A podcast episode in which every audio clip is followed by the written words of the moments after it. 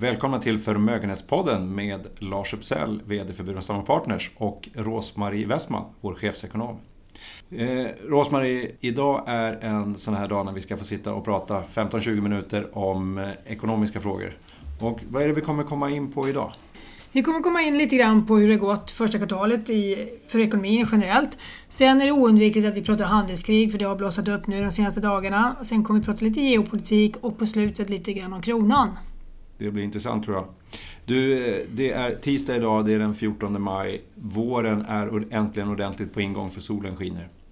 Du, mm, om, vi börjar, om vi börjar då lite grann på ekonomin här. Vi, första kvartalet och, och fram till nu. Mm. Det har blivit väldigt bra. Ja, det har blivit mycket bättre. Eh, tanken som fanns där ute var ju att det skulle bli svaga siffror för kvartal 1 och sen skulle återhämta sig Eh, Eh, resten av året och eh, nu kanske vi får lite grann tvärtom för vi börjar mycket starkare. Vi har 6,4 procent i tillväxt i Kina vilket är bra. Det är ingenting att klaga på. De har ju stimulerat väldigt hårt där så att den är till viss del dyrköpt den tillväxten. Eh, USA fick också mycket bättre 3,2 procent i årstakt. Eh, det var mycket högre. Ehm, den är väl lite relaterad till lageruppbyggnad och några andra faktorer så jag tror själv inte att det blir alls lika starkt för kvartal två. Men jag tror att det bygger en viss övertro där borta i USA om att deras ekonomi faktiskt är väldigt stark. Ursäkta mig. Och att den är um, ja, eh, helt immun mot eh, det som händer med eh, handelstullar och annat. Det, det biter helt enkelt på amerikansk ekonomi.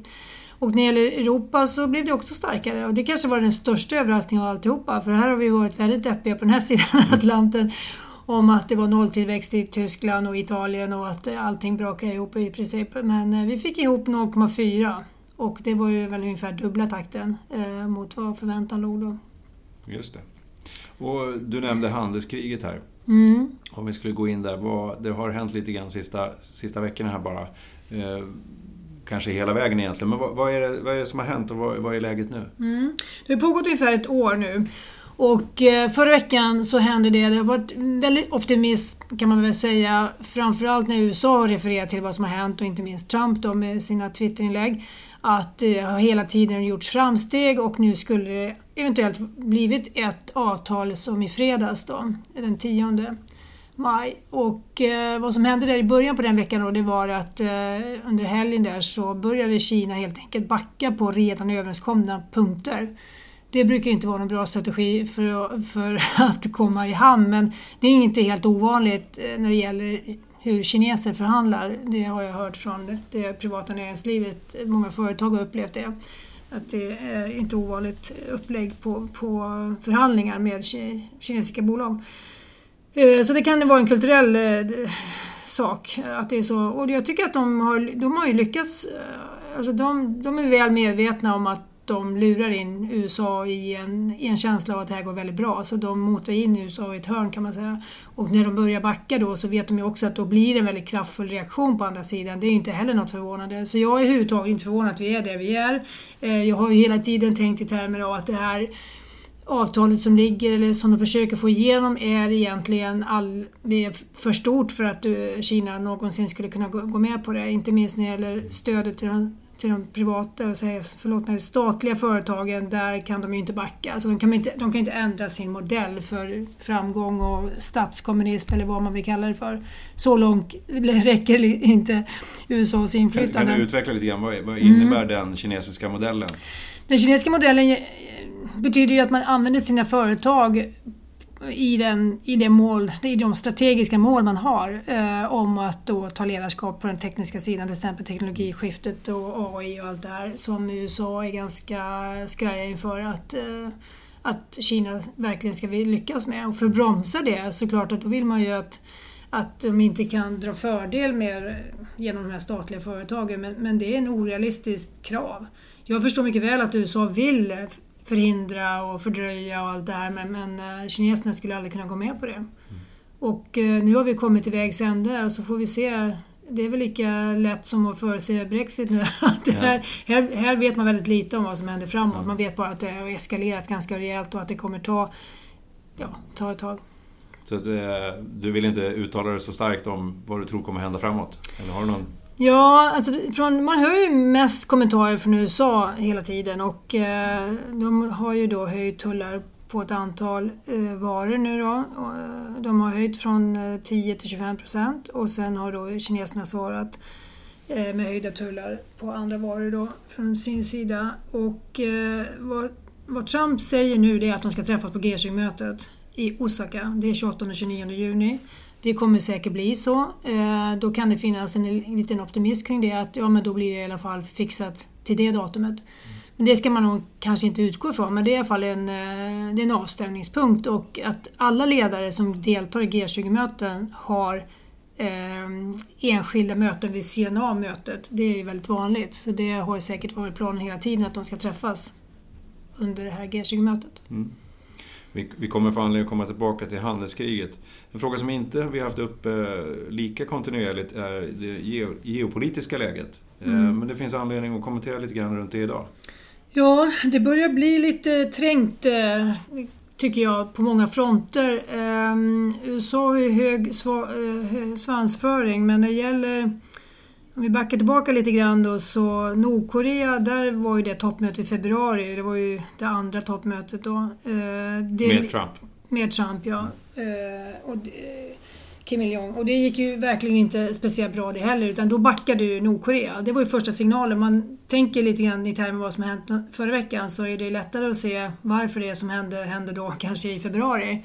Att det var en första varningssignal att det inte gick eh, riktigt på räls.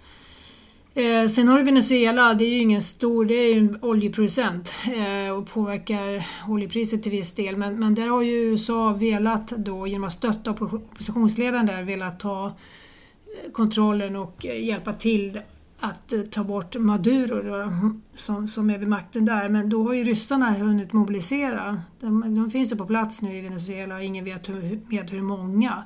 Det heter ju alltid att det är rådgivare, ryska rådgivare, men det kan man ju inte, så det, det kan man inte ta eh, på fullt allvar utan det, det, kan vara mycket mer så. Så jag tror att det lilla fönstret som fanns eh, för USA att göra någon stor skillnad i Venezuela, det tror jag redan har stängts. Så där är kanske också ett misslyckande för USAs del. Och sen har du Iran som börjar nu bli ett riktigt stort problem och eh, där är ju USA återigen då som, som eh, väljer att gå ensamma. De har ju hoppat av Iranavtalet ensamma. Eh, det är ett år sedan ungefär de gjorde det nu och då lägger de på nya sanktioner mot Iran och Iran eh, hotar då med att lämna för sin egen del då det här avtalet nu. Och ehm, det, kommer bli, det är en konfrontation nu. Det, det, det är lite fartyg inblandade. Amerikanerna tog ett nordkoreanskt fartyg här för några veckor sedan eh, som fraktade kol då mot sanktionerna, sanktionsreglerna. Och då har iranierna samtidigt då, eh, plockat, eller ja, förstört några, eller gjort en sabotage mot några fartyg då, som saudierna äger i Persiska viken. Så nu ser man ju att det börjar eskalera den här eh, Iranien-konflikten på ett sätt som, eh, som är väldigt oroväckande. Eh, det kan ju ja, de behöver mobilisera, de skickar hangarfartyg och lite sådana saker som man brukar göra i sånt här läge. Så det skickas ju mer resurser, och militära resurser från, från USAs sida. Men det är, inte, det är inte ofarligt. Det är inte ofarligt när Iran visar sig att visar att de inte är rädda för att trappa upp detta. Då ska man ta det på största allvar. Mm. Vi får nog anledning att komma tillbaka till det och följa den utvecklingen. Eh, men om vi hoppar till Europa så Eh, om vi haft ett, eh, eller har ett pågående handelskrig då mellan eh, Kina och USA så finns det ganska stora rädslor i EU och då kanske framförallt runt biltullar. Vad tänker du mm, kommentera Det är mycket det? angst.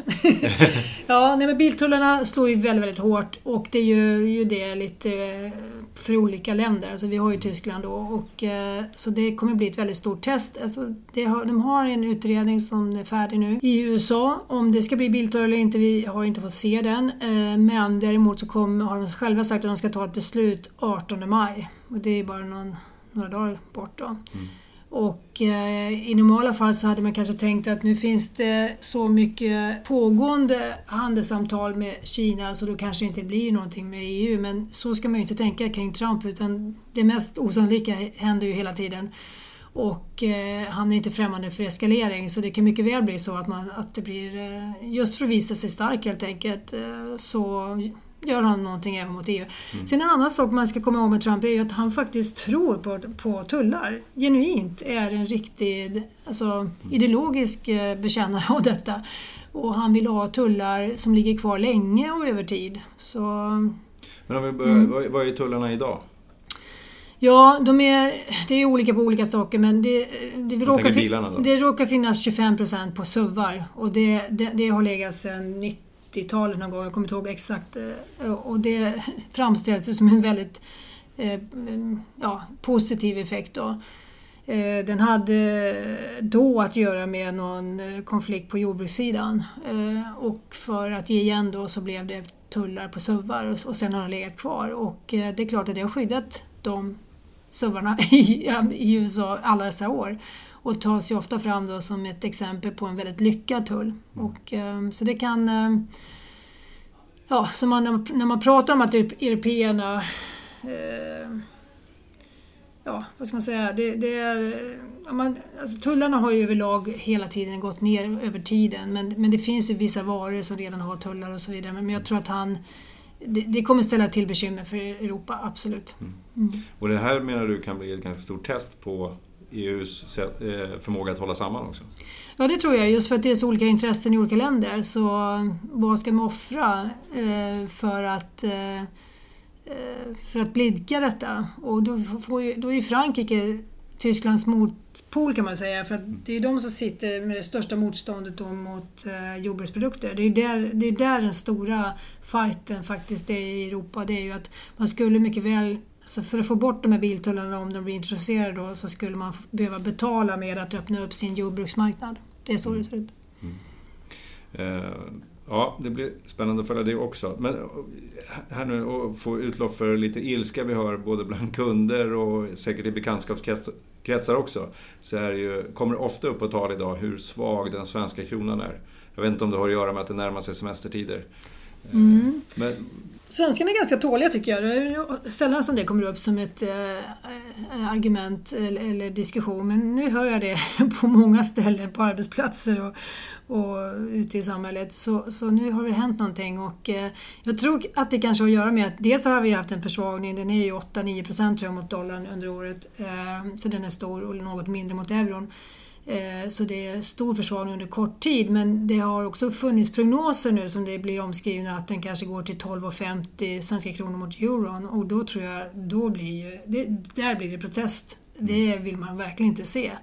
Eh, svenskar är ju ett resande folk, eh, pratas det mycket om eh, ja, och andra, and, andra utlandsboende och allt vad det är eh, vid pensioneringar och allting. Eh, så det är klart att man bryr sig om den svenska eh, köpkraften och eh, så det ska bli intressant. Jag tror nog att Riksbanken kanske får backa lite grann på den här hårdnackade synen på att, att det inte är av betydelse vad svenska kronans värde är mot eh, utländska valutor och man kanske får vara, nyansera den eh, retoriken med en verbal intervention där man faktiskt eh, säger någonting i stil med att man eh, inte ser så positivt på en sån snabb försvagning. Mm.